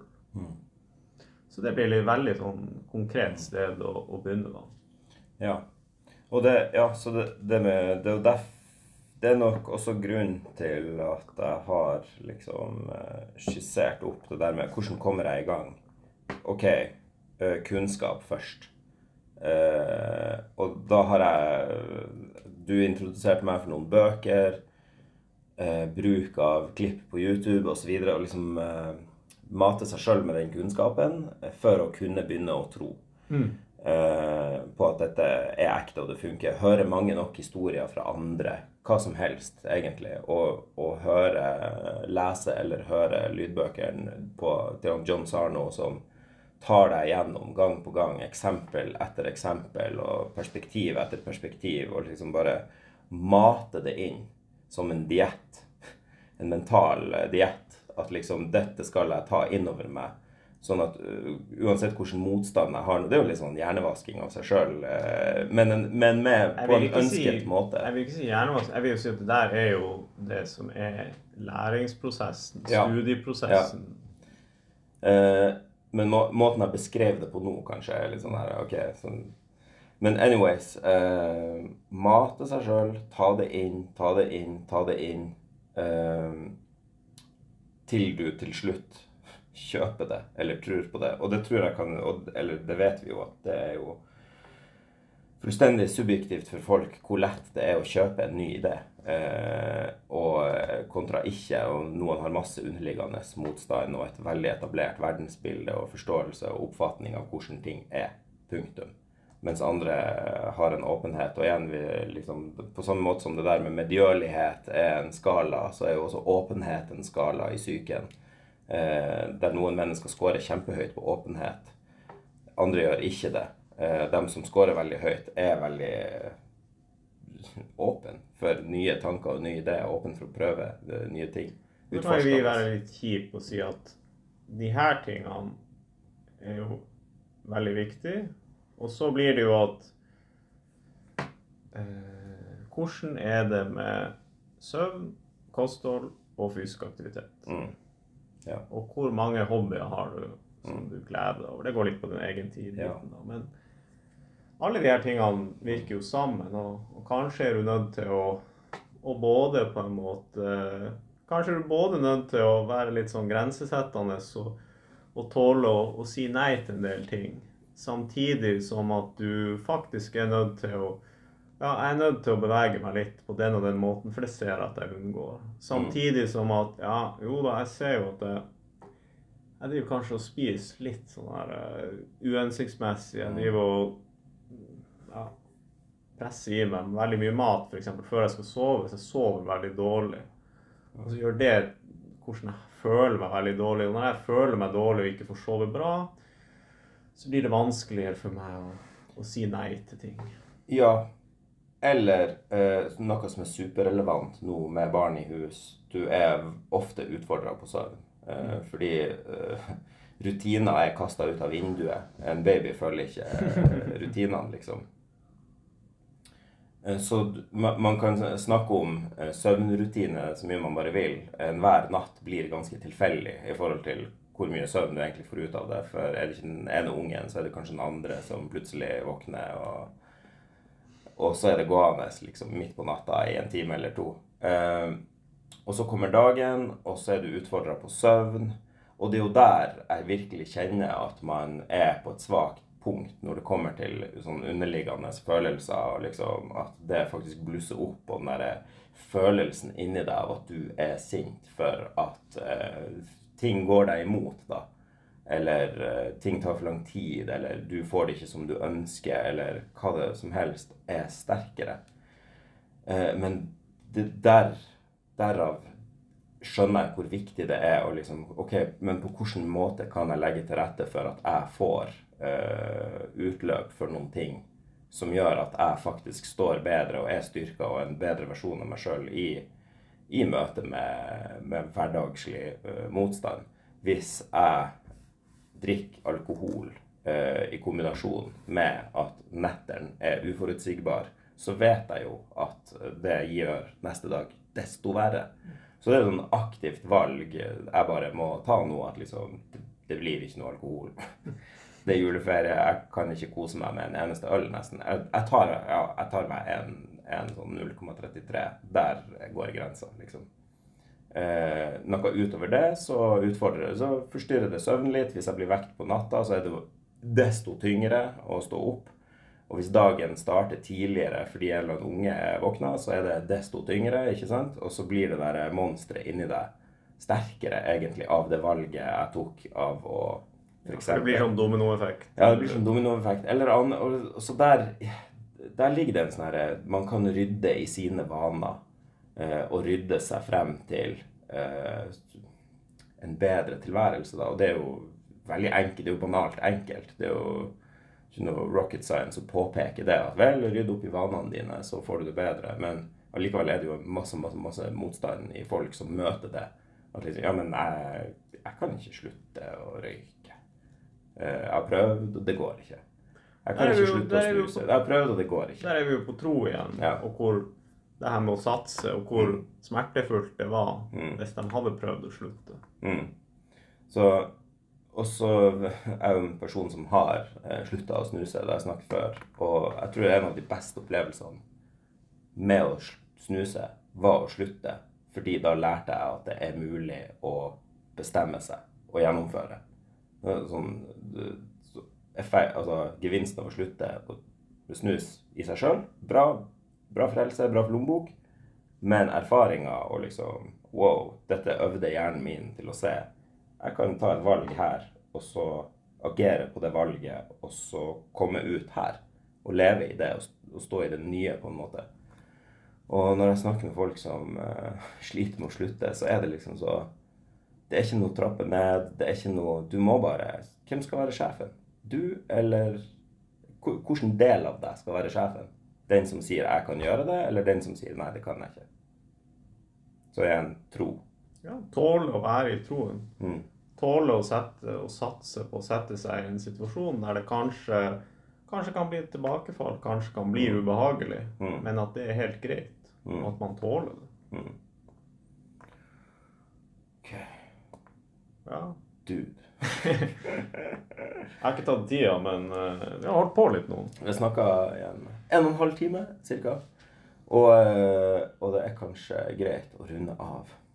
Eh, men det er veldig spennende. Veldig godt å få prata igjen. Eh, jeg kjenner at det, det åpner litt nye porter og sånn i meg å gjøre det. Og så får vi se eh, hvordan eh, hashtag livet eh, eh, behandle oss fremover. Eh, om vi skal kalle det her en start av en ny sesong. Eller Jeg tenker vi sier at sesong to er i gang nå, Ja. og vi legger litt press på oss til å fortsette det. Så bra. Vi setter oss noen mål, og så har vi troa på at det, det Ah, skjer. ja, vi må jo tåle å ha tro Vi må på tåle at vi tro. klarer å levere en ny episode. Vi må tåle å stå i og ta valget om å levere jevnlig og uh, fallhøyden det medfører. satse. Satse. Her anvender vi eh, oss sjøl lite grann. Men uh, dude, man, takk for praten. Sjøl takk. To be continued.